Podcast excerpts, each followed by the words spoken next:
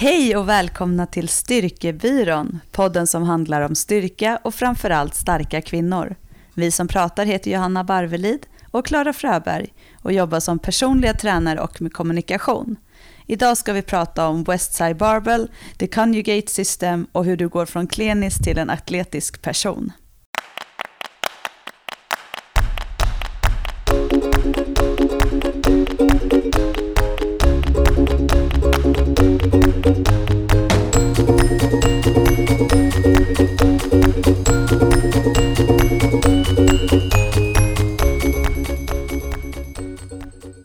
Johanna, hur gick du från en klenis till en atletisk person? Jag har aldrig varit en klenis. Jag vet, det är faktiskt sant. Du föddes med, man säger att vissa bebisar föds med sån här segerhuva, du vet när de har eh, hinnan kvar när de kommer ut. Ah, okay. eh, och du, men du föddes med en hockeyklubba. Nej, men jag har ju alltid, alltid, alltid, alltid tränat. Så liksom, äh, det är klart man har haft klenare perioder i sitt liv, såklart. Mm. Men jag har mm. nog alltid tränat ganska mycket. Så jag har nog inte varit så... Jag kände mig lite konkav efter barnen kanske, men annars har jag inte varit så konkav av mig. Ja, men man blir ju fasen konkav när man har fött barn. Jag tror att det är någonting som, det är där liksom den första, ofta, inte, inte kring kroppen, men just det här missförstånd i relationer, tänker jag, med mm. första barnet. Om man mm. har en partner som eh, inte föder barn eller inte går igenom en graviditet. För det är så otroligt svårt utifrån, tror jag, att förstå känslan i kroppen när någon har, har gått igenom en graviditet och sen fött barn. Det är ju lite som, jag hade en klient förra veckan eh, som du också har träffat många gånger som har kommit tillbaka efter graviditet och som är före detta elitidrottare. Och, och hon sa ju så här hela tiden bara liksom att alltså min kropp är så eh, klen. Ja. Alltså men... den, den har ju gått igenom, den är som överkörd av en bil och sen ska man komma tillbaka och sätta ihop den. Ja, och grejen är att det är ju så mycket som är känslan, när man, framförallt när man kommer tillbaka från en graviditet. För det är inte så att, jag menar, om jag bara ser till mig själv, så stod mm. jag på gymmet på i alla fall två barnen, typ dagen innan eller samma dag som jag födde, inte samma dag, dagen innan typ.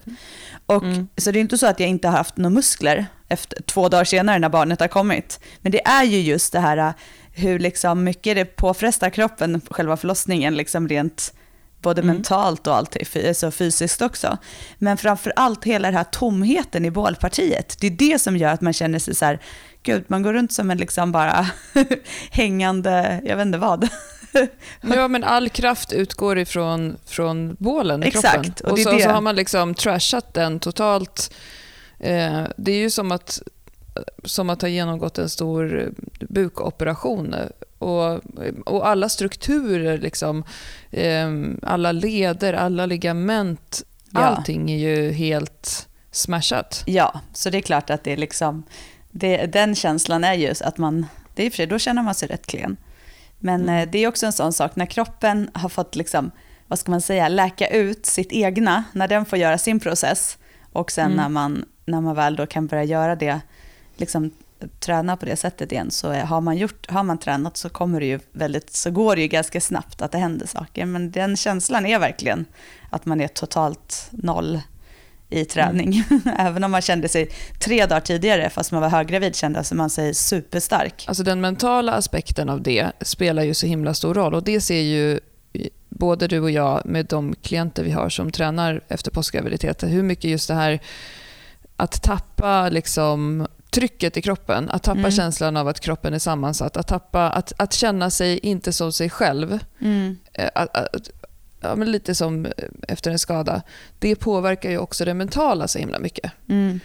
Och Då ska man samtidigt liksom vara en, en liksom person som driver saker framåt, som har en familj, som tar hand om barn. Som, eh, och så har man hela tiden en känsla av att man vill komma tillbaka. Det har en mycket större impact på hela livet än vad man kanske kan tro innan.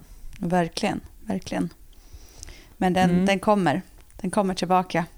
Kroppen är helt tillbaka. sjuk på hur, vad den åstadkommer. Alltså, både i om man gör eh, en förändring i träningen och är en person som kanske inte tränat så mycket och bara gör någon skillnad och tränar och, och har en struktur i det.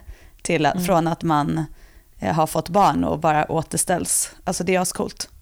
Mm. Och du, eh, eh, du är, ju inte påskgravid längre, men du gjorde ju faktiskt ett tangerat PR i eh, bänk häromdagen. Ja, körde lite. ja, apropå kroppen. nu, mm, apropå ja, kroppen. Jag har ju verkligen varit så här, känt lite att jag har så här, ja, men jag vet inte, jagat det, om det är rätt ord. Men det blir lite så här, man har ju så här mentala, så här, när jag kommer dit, då kommer jag mm. känna att ja, men då är jag styrkemässigt tillbaka. Jag pratar ju hela tiden om styrkemässigt tillbaka, jag pratar inte om hur kroppen ser ut eller något, alltså det är inte samma sak, mm. utan för mig handlar det om att komma tillbaka så är det styrkemässigt. Och då har jag ju haft liksom ett mål i alla egentligen, eh, både mark markböj och bänk. Eh, som har mm. varit lite så här, när jag kommer dit då kommer jag ändå känna att så här, men då börjar det hända grejer, jag kan träna på andra vikter och sådär. Och det var skönt att checka av den. Det är inte mitt personbästa, men det är det som, mitt personbästa efter Ludvig och det var min första liksom, mål, målpunkt där efter honom. Ja, men det är ändå skönt att känna att, att det liksom går framåt. Ja, jag. verkligen. Gud, det är asskönt. Det är, och nu är det ju liksom peppen är ju enorm nu så det känns så skönt. Men som jag sa till dig också, det känns lite skönt att lämna över eh, fanan till dig nu för att eh, så att jag får jag, börja jaga dig igen som det alltid var förut. För vi har ju alltid haft den relationen att du, du har varit monsterstark och lyft många, många kilon mer än mig. Och, och, och så har vi haft planer tillsammans om att räkna ihop din total och se var du hamnar. Och, eh, och sen så blev du gravid med Ludvig. Ja. Och då hamnade ju allt det på paus såklart. Och då var det ju jag som fick liksom steppa in och så här, okay, anmäla mig till någon himla tävling och bli jättestark i pull-ups och sådana saker. Eh, vilket, och jag har ju haft en sjukt bra utveckling under det här ett och ett halvt året. Ja. eh, så att, um, men nu känns det ganska skönt att du ska kliva in igen. Så, kan, så kanske vi kan promota dina prestationer igen under en period så kanske jag bara kan få, få träna i lugn och ro. I fred. Ja, förklara. Men grejen är att du är ju sjukt stark. Alltså, det, det är ju inte riktigt där, där vi var när vi började det här. Liksom. Alltså, det är det som är roligt. Du har ju byggt en brutal muskelig kropp och eh, ökad styrka i din i din träning. Så det är skitkul. Så äh, men nu jäklar, nu får ni hålla i er där ute. Styrkebyrån is back. är vi inte klenbyrån längre, Nej. som vi var januari 2017? Ja, precis. Nej, nu jäklar. Nu är ju, nu är ju min föräldraledighet slut också. Mm. Det är ju helt bananas. Nu är ja, det liksom... du har ju redan kommit igång med lite företagsprojekt. Berätta. Ja, precis. Jag har ju eh, jag har kommit igång med att jag har en kund som jag har producerat eh, och klippt och, eller gjort en podd för. Eh, mm. Eh, som, som ska använda det i sin kommunikation. Så mm. jätteroligt. Alltså, jag bara kände så här när jag åkte iväg och hade vanliga människokläder på mig och bara, gud, jag får ju så göra, nu får jag göra saker som, som jag kan och som jag tycker är kul. Och då känner jag bara så här, fy fan vad roligt det är att jobba när man gör saker som är roliga hela tiden.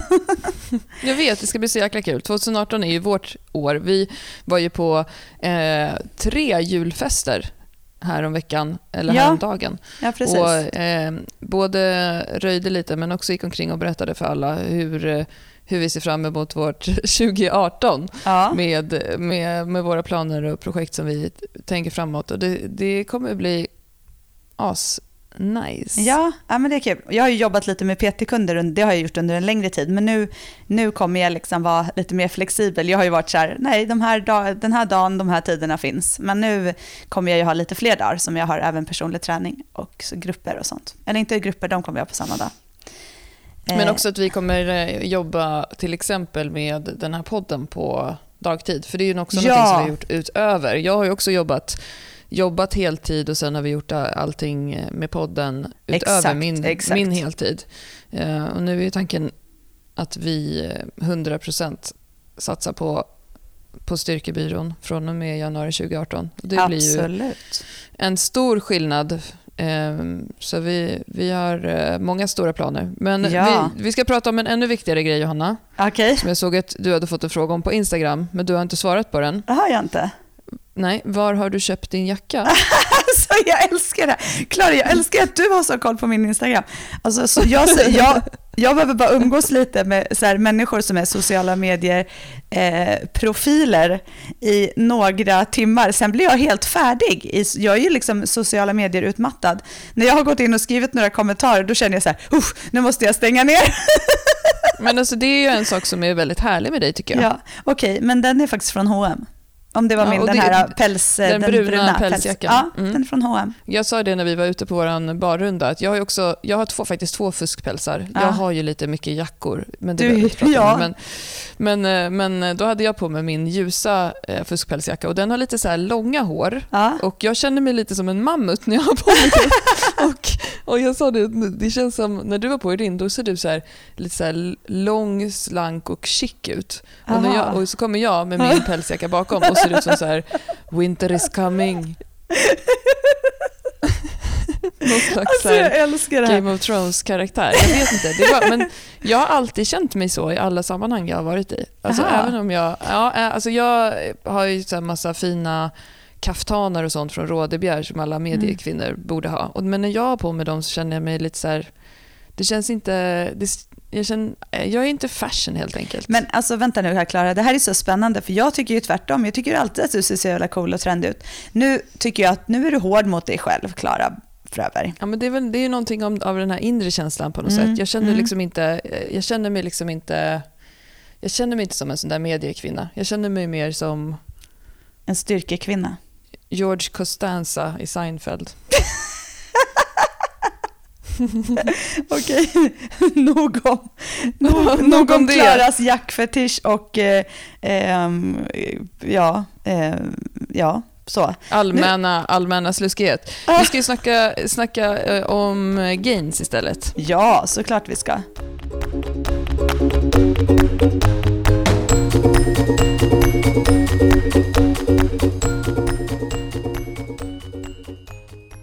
Vi, eh, vi ska faktiskt prata om ett känt och välanvänt träningsprogram idag som har hjälpt många att eh, både öka sin maxstyrka och lägga på sig muskler.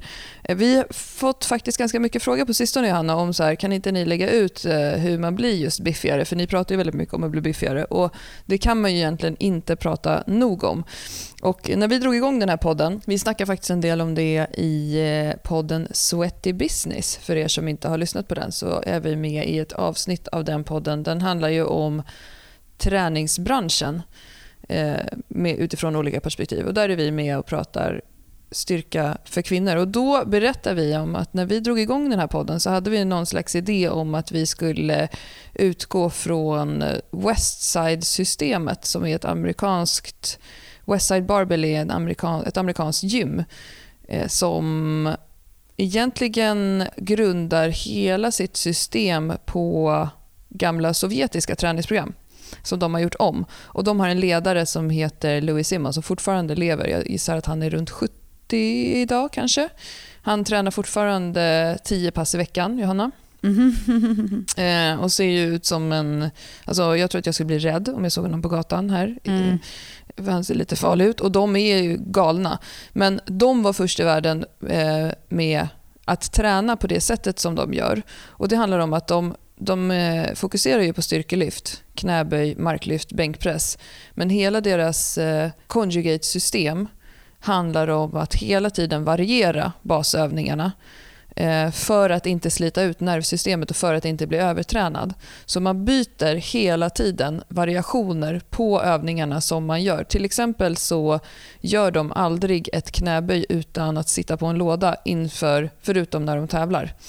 Eh, för att de tycker att boxböj, när man alltså sitter bak på en låda, gör att dels är det skonsammare för att inte bli helt slut, att inte Mm. göra jättedjupa böj. Sen så har de en teori om att när man sätter sig på lådan och ställer sig upp så behöver man slå av och slå på hastigheten så att man eh, inte är spänd hela tiden under rörelsen. Och Det tycker de ger en jättebra överföring till klassiska knäböj. Och Det man ska lägga till här är också att jag tror att Louis Simmons har tagit fram 17, jag kan ha helt fel nu, men jag tror att det är runt 17 eh, styrkelyftare som har dragit mer än 400 kilo i marklyft. Så det är inte så att bara för att de sitter på en låda att de eh, inte blir starka. Nej, precis.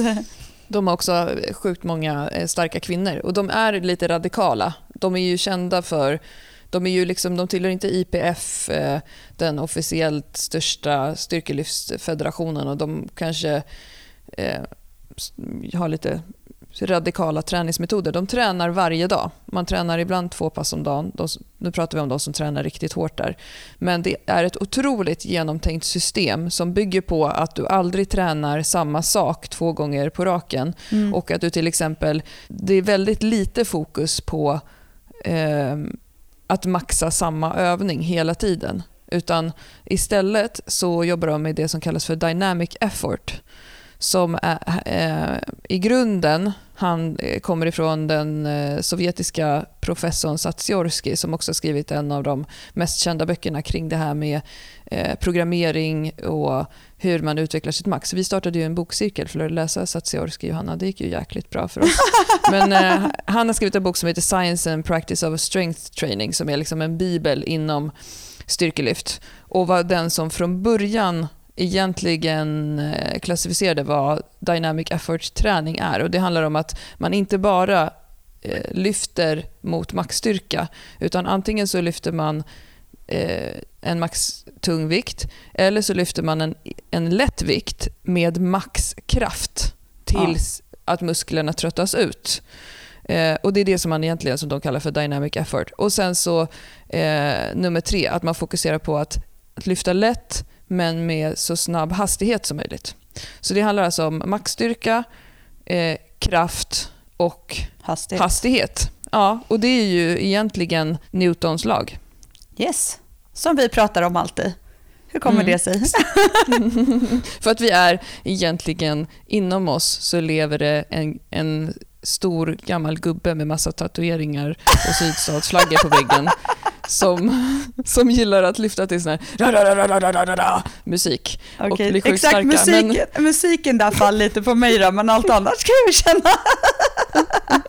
ja, men Newtons lag är ju att sträckan gånger hastigheten är lika med tiden. Och sen kan man dela upp den där i vilken av de koefficienterna som helst. Men att det handlar ju om att inte bara fokusera på egentligen då att lyfta ett så tungt knäböj som möjligt, utan att fokusera också på att bli bättre på att skapa kraft, att bli bättre på att bli snabb. Och Det är därför de också lägger till väldigt mycket variationer. De var de första som lade till såna saker som att eh, addera gummiband på skivstången, addera kedjor på skivstången, att putta en släde, att, göra, eh, att jobba excentriskt med, jag brukar kalla det för testikelböj, jag vet inte vad det heter när man har en vikt som går ner längre än golvet.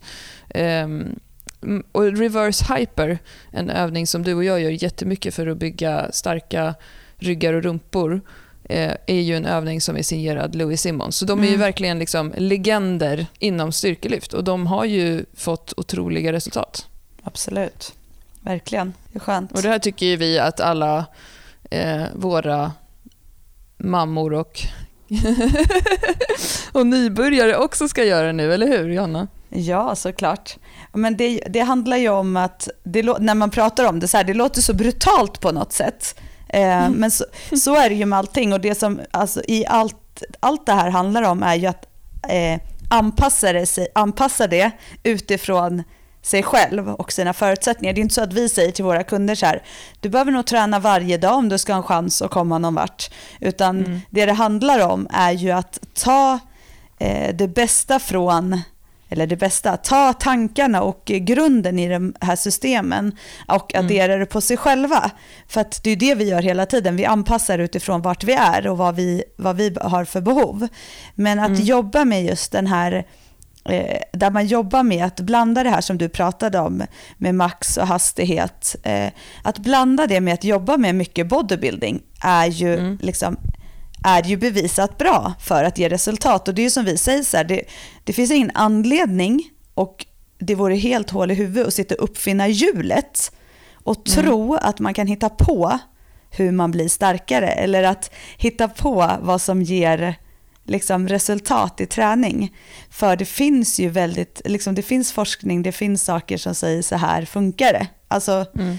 Så alltid titta på de som är bäst och eh, anpassa utifrån dina egna förutsättningar. Ja, och eftersom att man ändå lyfter utifrån sina förutsättningar så kan ju kan vi ju i, i princip köra ganska mycket samma program, bara vi liksom anpassar vikterna. Och mycket av, av Westside-systemet som, som ju nu vi, både vi har gjort om eh, utifrån ett annat program, ja, så, så är det ju också så att det är ju många lätta pass och vilket är en lägre skaderisk. För att har du en Exakt. nybörjare som ska börja lyfta, de flesta som vi träffar kan inte stå och mala knäböj, marklyft, eh, bänkpress, två basövningar eh, fyra gånger i veckan. Det Nej. blir liksom, det, det, de, har, de måste bygga andra delar av kroppen först. Vi måste bygga en stark bål, vi måste veta att det är rätt muskler som jobbar.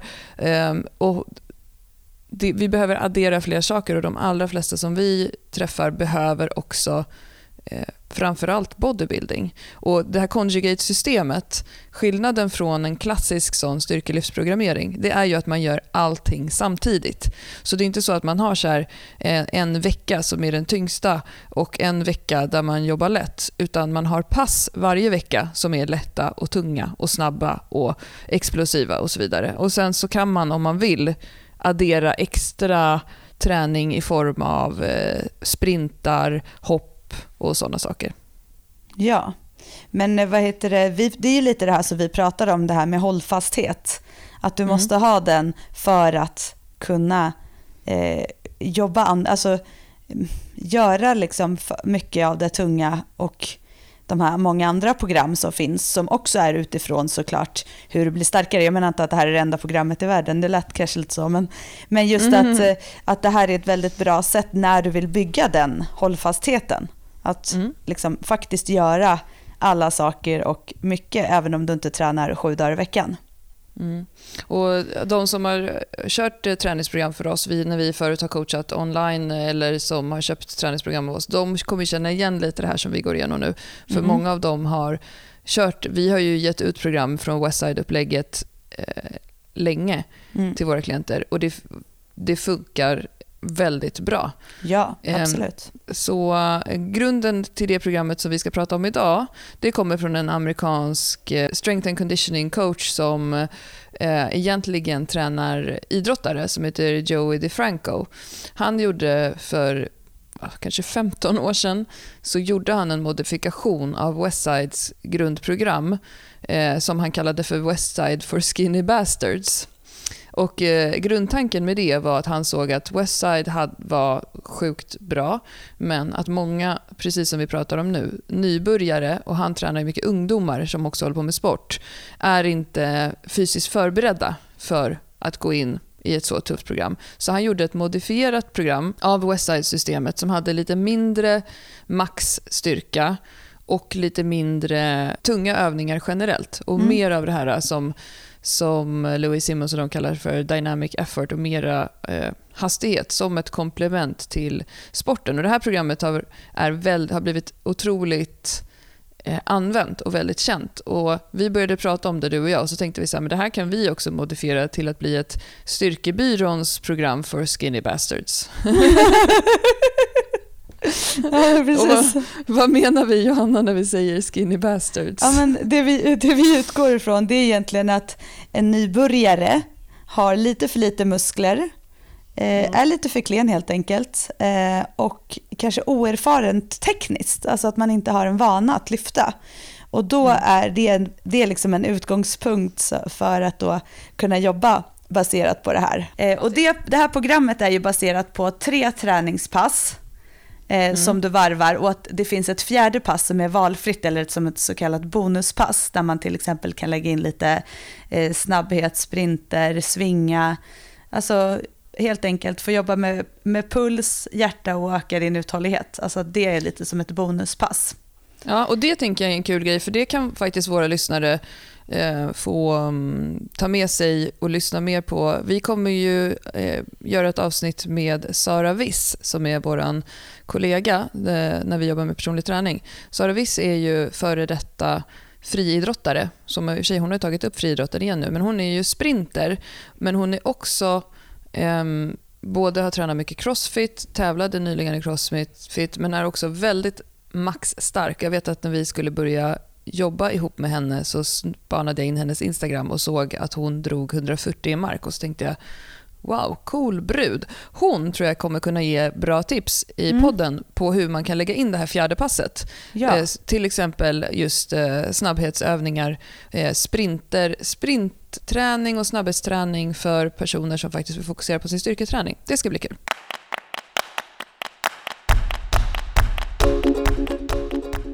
Vi tänkte att vi ska prata lite om passen. Vi kommer inte gå in på så här och liksom prata eh, exakt hur de ser ut, för det kommer vi lägga upp sen i vårt nyhetsbrev.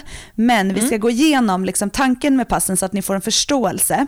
Och mm. då är, är pass A, som du kör dynamic effort, alltså hastighet, på, och då kör du pressar och böj på 50 mm. upp till 70% av ditt max. Och vi brukar inte prata så mycket procent egentligen, men det är mer för att man ska få en förståelse för hur pass lätt det ändå ska vara. Alltså att det inte Exakt. är för tungt. Eh, och då jobbar mm. man med två set med två reps på varje vikt tills det börjar gå långsamt. Mm. Och när, mm. böjen, eller när övningen börjar gå långsamt, då plockar du av och kör på en lättare vikt. Så det ska absolut inte vara att du har dålig hastighet i det. Så du jobbar alltså två reps på en vikt, vila lite, mm. Gör det igen och sen så lägger du på lite vikt, jobbar två reps, vila lite, kör på samma vikt två reps och så vidare. Och så mm. ökar du vikten. Så då kommer du komma upp till en vikt där du känner så här, oj, nu händer det något med rörelsen, det börjar gå långsamt, då plockar du av och så kör du färdigt där på den vikten. Och det är alltså mm. hastighet man jobbar med då. Ja, och, och Det här är ju någonting som vi har jobbat med våra klienter i flera år. Det här 2x2-upplägget. Det har folk fått ligga på. Eh, vi har haft nybörjare som har kört bara 2x2 på lätta vikter under några veckor som en introduktion till att sen lägga på mer vikt. Det som är så grymt med det, tycker jag, det är ju att eh, man vilar ju kort, som du sa. Man vilar typ 45 sekunder. Mm. mellan, så Man bygger både upp uthålligheten under den här perioden, men, man, men med en fin teknik. Exakt. Så man banar liksom in rörelsen för följande veckor. Um, och, och det, är, um, det intressanta är ju också att du kommer att öka. För du kommer ju känna efter två veckor att du har hastighet och fina lyft i en lite tyngre vikt än vad du hade första veckan. Exakt. Utan att det på något sätt är några så här jättepåfrestande maxvikter eller någonting. Ja, så att, och just det här tekniska, att du får det med dig, det tjatar vi alltid om. Att det här att mm. fina lyft kommer generera en, liksom att du går framåt mer än om du grisar i dina lyft. Så det här är också jättemycket nervsystem, teknik, alltså alla de bitarna har du ju med här. Mm. Men, men om man säger då så här, Johanna, um, vi säger att jag jobbar med mina knäböj, jag gör 2 gånger 2 på 35, jag gör 2 gånger 2 på 40, jag gör 2 gånger 2 på 45 och så vidare. Och så kommer jag upp till 60 och så känner jag så här, någonting annorlunda. Vad betyder det att rörelsen, alltså hur, vad är det som kan hända så att jag vet om jag ska plocka av vikt? Ja, men dels att du känner så här, oj gud, nu nästan det, jag kunde inte alls göra rörelsen så här en rörelse och snabbt. Alltså att den går ju mycket långsammare. Eller oj, mm. nu kände jag helt plötsligt att jag eh, tappade knäna lite. Eller nu var det någonting här med rumpan, att den gick upp först. Alltså det händer någonting mm. i tekniken, i känslan som är annorlunda. Det är liksom mm. inte lika självklart att jag kan ha en bra hastighet. Och många eh, som har kört det här med mig upplever först att det är så här, men gud, det, det, det känns som att man tränar så lätt och så här, ska det verkligen, ska, och liksom, vart går gränsen för tungt? Men ma man känner ju oftast det, det är bara att känslan är att man tycker att man vill lyfta mer, för det är det som oftast är problemet, att man går för fort framåt. Och det är det som det här syftar på lite, att vi ska förbereda oss för att mm. sen kunna ligga på tyngre vikter. Så att mm. det ska kännas, det ska inte vara så jag har också kört det här och jag vet att, det har ju du också gjort, eh, och jag vet mm -hmm. att båda vi var ju så här, gud det är så skönt med de här passen, man blir aldrig så där slut i kroppen. Alltså det är en mm. helt annan sak. Man, man, får ju puls faktiskt också, ja. i och med att man, vil, man vilar så kort ja. Eh, och det är så lätt. Och, och, både du och jag har kört det här flera gånger när vi liksom haft en svacka eller när vi har eh, varit borta från träningen, så är det ett väldigt bra sätt att, att att bara komma in i den igen. Och det blir ja. ju tufft även om man kör på 50% Ja, absolut. Men du, vad heter det? Sen så, man ska också tänka på, det är inte så att man ska fortsätta jobba hur många två gånger två som helst. Mm. Eh, jag, jag, brukar säga ungefär att, det ska, att, de kan ligga på, att man ligger på kanske max 32 reps totalt. Håller du med mig där? ja, ja, och jag tänker också att om man, om man är, och det här är ju lite såklart att det är individuellt, men om ja. man tittar på 50% av sitt max, så för, för en person som, som maxar liksom 120 och en person som maxar 60 så kommer ja. det vara jätteolika saker. Och jag tänker att under de här veckorna, när man kommer upp i i vikt, för man kommer ju öka lite under de här veckorna också. Då kan man ju ta ner antalet reps. Tänker jag. Just det, precis. Men och det, då är det bara att man slår ihop fyra stycken. Skulle man säga så att man skulle göra 32 reps, då skulle det alltså vara åtta stycken sådana här två gånger två. Mm. Ja, Eh, jag tror att att- Westside brukar rekommendera runt 10 stycken. Så det ja, låter väldigt precis. rimligt. Det låter rimligt. Titta. Men eh, runt där i alla fall. Det skulle innebära att man gör max 40 då egentligen. Mm. Mm. Gud vad kul, det, nu, det ska jag gå och göra idag. Det är alltid så här. lite cardio. Lite cardio. Det är så roligt för så fort vi pratar om någonting- så ändrar vi våra egna träningsprogram. Ja, Ja. gud ja. Ja men, ja, men det är svinbra. Och i, det- I det här passet, Dynamic Effort-passet, pass A, Mm. då kan man alltså addera eh, lite krydda till sin träning som ger just de här övningarna som inte är tunga. Det vill säga, man kan addera gummiband, man kan göra såna här boxböj med gummiband på stången där man liksom måste trycka igenom den tyngsta delen av gummibandet på slutet av rörelsen och inte går till exempel så djupt utan man, man lyfter väldigt höftdominant med fokus Mm. att inte använda quadsen så mycket. Man kan eh, variera övningarna med olika lång lyftsträcka, till exempel att man gör upphöjda marklyft, att man lyfter från knä och upp. Eh, som vi pratade om i vårt eh, tidigare avsnitt om marklyftsvariationer. Man kan göra bänk till kloss. Eh, man kan även addera, verkligen är kul att addera gummiband på bänkpressen. Man kan addera kedjor, men det, de allra flesta gym har inte kedjor. De flesta kommersiella gym. Så att man liksom varierar övningen eh, under det här passet och jobbar mycket med just hastigheten. Och Det man får tänka på är ju att det här är ett nybörjarprogram. Och Då handlar det mer om att komma in i eh, att göra övningar för hela kroppen och skapa förutsättningar för att inte bli sliten i början och övertränad. Och Då gör det ingenting att man varierar ganska mycket. Nej, precis. För Till skillnad från om man är avancerad, att man liksom verkligen fokuserar på att bli bra på den övningen som man vill bli bra på. Exakt. Så när man, har, här, när man har gjort den delen så har man självklart lite bodybuilding i passet. Det ligger ju i alla pass. Alltså bodybuilding Ja. är alltid bodybuilding. Det är alltid med. det finns inga genvägar till den perfekta storleken på muskeln. Det finns inga genvägar Ja, till den perfekt- perfekta Ljudet. muskeln. Ja, precis. Ja, och sen så har vi då pass B och C. Där är det fokus på mass, maxstyrka överkropp, maxstyrka underkropp i vardera pass. Eh, och eh, här så är det då horisontala och vertikala pressar och eh, du böjer och fäller, alltså knäböj, marklyft av olika slag och pressar av olika slag. Eh, och Mm. det som är skillnaden här, eh, eftersom det är nybörjare, är ju att istället för att vi jobbar upp, som man gör i många maxprogram, till en 1 RM, alltså en repetition max för dagen, alltså dagsformsbaserat, eh, så gör man istället, jobbar man upp till en max 3 eller 5. Det innebär alltså att du börjar jobba på en vikt, eh, du, vi säger så här, vissa kan förmodligen börja med stången såklart, och så gör du då kanske tre eller fem repetitioner, fem skulle jag säga man kan börja och så kan man minska om man vill. Och så, så jobbar du och så ökar du vikten lite, så gör du en ny femma och så ökar du vikten och så gör du en ny femma och så ökar du vikten och gör en ny femma. Och här vilar du lite längre emellan, kanske till och med upp till två minuter. Eh, och så, så fortsätter du så. Och här samma sak, när du kommer upp till en femma och du känner så här, nej men nu hade inte jag klarat att göra, eh, liksom, nu klarar inte jag att göra mer repetitioner, nu tar det stopp.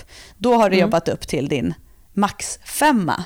Och varför man har en femma istället för en etta är ju för att ligger du på en max femma eller en max tre så ligger du längre ifrån eh, liksom, dels skada skulle jag säga för att du är ju längre ifrån vad din kropp klarar att maxlyfta. Och ett maxlyft är ju alltid där du ligger närmast liksom egentligen skada för du utmanar dig ju mest då. Mm. Så, att, så att det- det som är skillnaden då här i att det är ett ny- liksom, nybörjarprogram är att du inte jobbar upp till en max etta utan att du ligger på treorna och femmor. Eller femmor. Ja. Eller fyra, Och men här- alltså tre till fem. Ja, och även här får man väl känna som, tycker jag, som i det här Dynamic Effort-programmet. Det ska ju vara tungt, men det ska ju aldrig eh, äventyra tekniken. Nej, och det är det ju alltid att när vi pratar om sådana här ny, nybörjarprogram generellt, när vi pratar om eh, när vi pratar generellt om program så är det ju, pratar vi alltid om teknik, men framför allt när det gäller nybörjare och när man inte är så van så har man ju mindre kanske, eh, vad ska man säga, marginaler att göra fula lyft. Är du med på vad jag menar? Mm. Att, Absolut. liksom, att är du tokstark, har tränat mycket, du har en kropp som är otroligt hållfast, du tränar olika typer av övningar, du tränar med mycket variation, så kommer kroppen kanske kunna hantera mer att lyftet inte är perfekt för att du har mm. inte, vad ska man säga, så här, en, kanske alla, alla länkar är ändå starka. Din lägsta nivå är starkare än liksom, för en person som är ganska ny. Eh, mm. Vilket gör att man kan hantera de här lite grisigare lyften Eh, på ett annat sätt än vad man kan om man är nybörjare. Och därför ska inte tekniken eh, liksom bli eh, dålig på grund av att man går för tungt. Ja, och det här kan man ju gå tillbaka till tycker jag i alla sådana här diskussioner som är så här, ja men hon eh, markar med böjd rygg eller hon gör knäböjen så här eller eh, här ser man hur, hur det är fusk att göra på det här sättet. Och det måste man tänka på att alla regler, du måste först lära dig alla principer och kunna hantera dem innan du kan börja bryta dem. Exakt. Exakt. och det är ju jättespännande, för så tänker man inte. För mycket av det man ser är ju kanske det här. Alltså det är lyft som inte är så snygga. Och där har ju vi pratat förut om det här att man måste vara lite källkritisk. Alltså, mm. vad är det här för person? Hur mycket tränar hon? Hur, liksom, vad har hon för kapacitet i kroppen? För henne kanske inte det där lyftet är speciellt eh, farligt för att hon gör det någon gång då och då och det är då hon lägger ut en bild på det eller film. Alltså, det ja, måste man alltid... Exakt man kan inte alltid bara liksom välja att så här, Wah! utan man får fundera lite på vad som ligger bakom det hela. Ja, precis. Och det är så här, som en diskussion som vi såg på nätet kring vår girl crush eh, Steffi Cohen som drog 240 mark och väger 57 kilo. Mm. Då är det ju jättemånga som skriver på forum så här, ja men hon, har, hon, hon gör sumo, det är fusk, och hon har dragremmar, det är fusk. Ja, alltså hon, hon, hon har sumo och det har vi pratat om tidigare. Det är inte fusk. Om det var det så skulle fler världsmästare göra sumo, skulle alla göra det. Eh, och sen har hon dragit, ja men hon drar fortfarande mer än fyra ja. gånger sin kroppsvikt i mark. Hur många, hur många gör det? Ja men alltså tre gånger kroppsvikt liksom. Alltså kom igen, mm. det är mm. också skalet. Men så där är det mm. alltid. Det finns alltid de som, och det är oftast eh, det motsatta könet som har åsikter. Eh, vi pratar om det, det är, oftast, det är inte, ändå intressant så att det är oftast när kvinnor gör sådana här liksom, grymma grejer och kanske då adderar dragremmar och sånt, då blir det en diskussion kring det, men om en man står och gör det så blir det inte alls samma diskussioner kring det. Det är ändå mm. intressant. Ja, exakt. Ja, ja. Nog om det. Eh, det, är i alla fall, eh, det är i alla fall eh, maxstyrka i pass B och C. Och mm. det handlar inte om att tappa tekniken utan det handlar om att jobba upp till i alla fall en tung 3-5 repetitioner. Och sen mm. lägga till assisterande övningar i då bodybuilding som vi sa tidigare som är i alla passen. Mm. Och det är, eh. väldigt mycket, det är också mycket bålträning i de här passen, för det anser vi också är grunden, precis som du pratade om innan, den här känslan av att man har ett hål i mitten av ja, kroppen. Precis. Den vill vi komma bort ifrån för att kunna hantera eh, att ändå komma upp i eh, volym och intensitet. Ja, och att, Så eh, mycket fokus på det. Ja, och att jobba med liksom, eh, små saker eller stabilitet i muskler, alltså att jobba med små övningar i uppvärmning eller liksom som komplement där vi tränar liksom mm. de här små, små musklerna som sitter runt våra stora leder. Alltså att man inte bara går på stort, stort, stort utan att man tänker också på allt det här som håller ihop axlar och bål som du sa. Och, mm. Alltså att, att vi jobbar med de mm. musklerna också, att vi hit, liksom lär oss att de kommer ha stor, stor input också, att vi blir starka i de här små musklerna, inte mm. bara de stora som vi kan pumpa eh, och bli stora i, utan även musklerna vi inte ser lika mycket. Eh, men att också i den här eh, avslutande bodybuilding-delen, där får man ganska mycket ösa på. Ja, och där, kanske man, där är det helt okej att det blir så här eh, lite liksom skrik och att man får ta av lite vikt i slut och att man inte klarar de sista bicepscurlen eller någonting. Mm. Alltså, liksom, där handlar det också mycket om att eh, att få ta i. För det är ju en sak som vi märker när vi har våra, framförallt våra grupper skulle jag säga, som vi träffar under en längre tid. Alltså där vi träffar mm. kanske varannan vecka eller varje vecka. Och som också jobbar med program utifrån som vi tar fram. Att när vi, då, vi har ju då många gånger där i alla fall minst ett av passen är där har vi inte så mycket teknikfokus i form av stora övningar, utan där kanske vi är så här, nu ska ni få träna, ni ska få ta i, ni ska få känna hur det är att bli slut i muskler, inte i slut som i att du har gjort 40 burpees. Liksom. Mm. Och mm. den här, det är en sån sak som jag upplever, du får säga om du inte håller med mig, men då får många så här, aha, vänta nu här, det här kan faktiskt vara att ta i och vara slut. Det behöver inte vara så att jag står och adderar 40 burpees efteråt. Alltså mm. jag, har, jag är helt slut i mina muskler och min kropp, men det jag har gjort är att jag har kanske tagit i lite mer än vad jag faktiskt gör när jag tränar. Och det kanske faktiskt mm. är en eh, parameter varför jag inte får de resultat jag vill i min träning. För att jag mm. tar inte i tillräckligt mycket. Alltså jag tar min mm. bekvämlighetshantel när jag ska göra mina övningar. Och så gör jag med den. Och så gör jag klart mina repetitioner. Och när jag är färdig så hade jag förmodligen kunnat gjort ganska mycket mer. Men jag gör, reflekterar inte så mycket av det, utan jag är nöjd att jag har gjort klart den och lägger undan handen istället för att våga utmana sig lite. Och det mm. tycker jag är en sån sak som många får så här, ah, vänta nu här, det är det här jag ska göra när jag går hem nu, jag ska faktiskt ta i lite. Mm. Om man tittar på den, de grupperna som vi har avslutat för året nu med fokus på överkroppsstyrka, där man får ett träningsprogram för att köra överkropp med ty, tyngdpunkten i maxstyrkan är ju pull-ups, chins, bänk. Mm. Men sen är det jättemycket assisterande övningar på precis det här sättet. Och Det som många säger när de kör träningspassen i studion med oss, det är ju så här, gud jag har aldrig kört ett helt träningspass med så här mycket fokus på bara de här musklerna. Nej, precis. Och Det är ju en stor nyckel. Sen vet jag att det finns, finns jättemånga som säger så att ja, men nybörjare behöver göra jättemycket basövningen och att de allra flesta tränar basövningen för lite. Man, man kan ju se, om man tittar på forskning, att kör man ett pass i veckan bänkpress med tre till fyra set, typ tre gånger tio eller någonting, mm. det kommer inte under en längre period göra dig jättebra på bänkpress. För du måste ju också träna mest på det som du vill bli bra på. Och så är det absolut. Men det man också måste tänka på då, som vi ser från vårt perspektiv som ser folk komma in i gymmet, det är ju att folk är inte redo för bänkpress. Nej, alltså de är inte redo för att köra bänkpress flera, flera gånger i veckan på det sättet. Nej, och då kommer man att skada sig. Precis, så man måste förbereda kroppen för att klara ja. av det. Ja, men sitter man framför en dator flera dagar i veckan, eh, har dåliga axlar, eh, använder inte bålen, är jättesvag i triceps, ja, men då, det, då kommer liksom inte bänkpress att hoppa på det eh, supermycket. Då kommer du komma till en platå. Utan liksom, kör prehab för axlarna, bygg en stark bål, börja rör på dig hela tiden. Alltså det som Louis Simmons kallar för GPP, mm. General Physical Preparation eller Preparedness, som vi också har gjort ett avsnitt om en gång. Det handlar ju också om att kunna liksom, eh, kuta runt i en lekpark eller eh, dra med på en jogg med några polare eller eh, orka flytta åt några kompisar. Att liksom hela tiden hålla igång sin kropp utan att överträna den eh, men utan att också underträna den. Det är ja. det, det, du måste ju kunna, som vi brukar säga, gå upp för en trappa även om du är styrkelyftare utan att du blir helt förstörd. Ja, men det handlar ju väldigt mycket om det som vi har nämnt lite där med, som vi gillar uttryckt, men här att ha en atletisk kropp.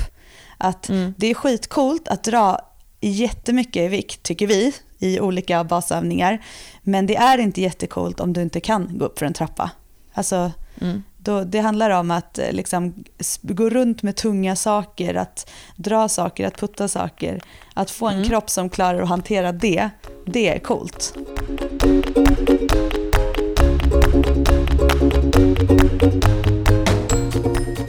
Det här är ju fortfarande ett fokus att du i, i längden ska bli bättre på basövningarna.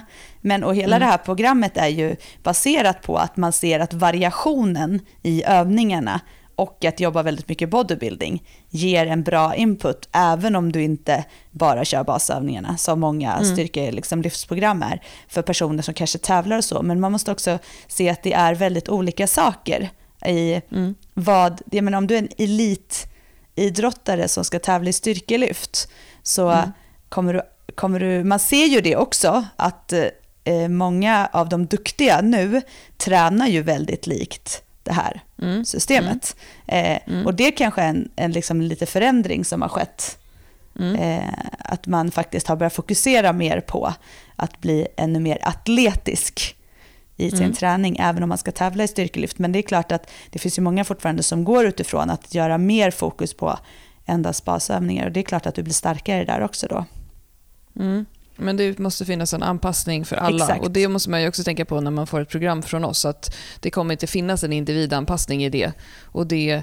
Eh, det får man ta hjälp av en person för att få eller liksom att, man, eh, ja, men att man tar hjälp av en PT eller en kompis som är duktig på det och diskuterar just, just vad du behöver eh, bli bättre på. Precis, så för, och så går det ju aldrig att göra. Det går inte att ge ett program, ett generellt program som är anpassat efter alla, för det är exakt det som vi gör när vi har våra kunder.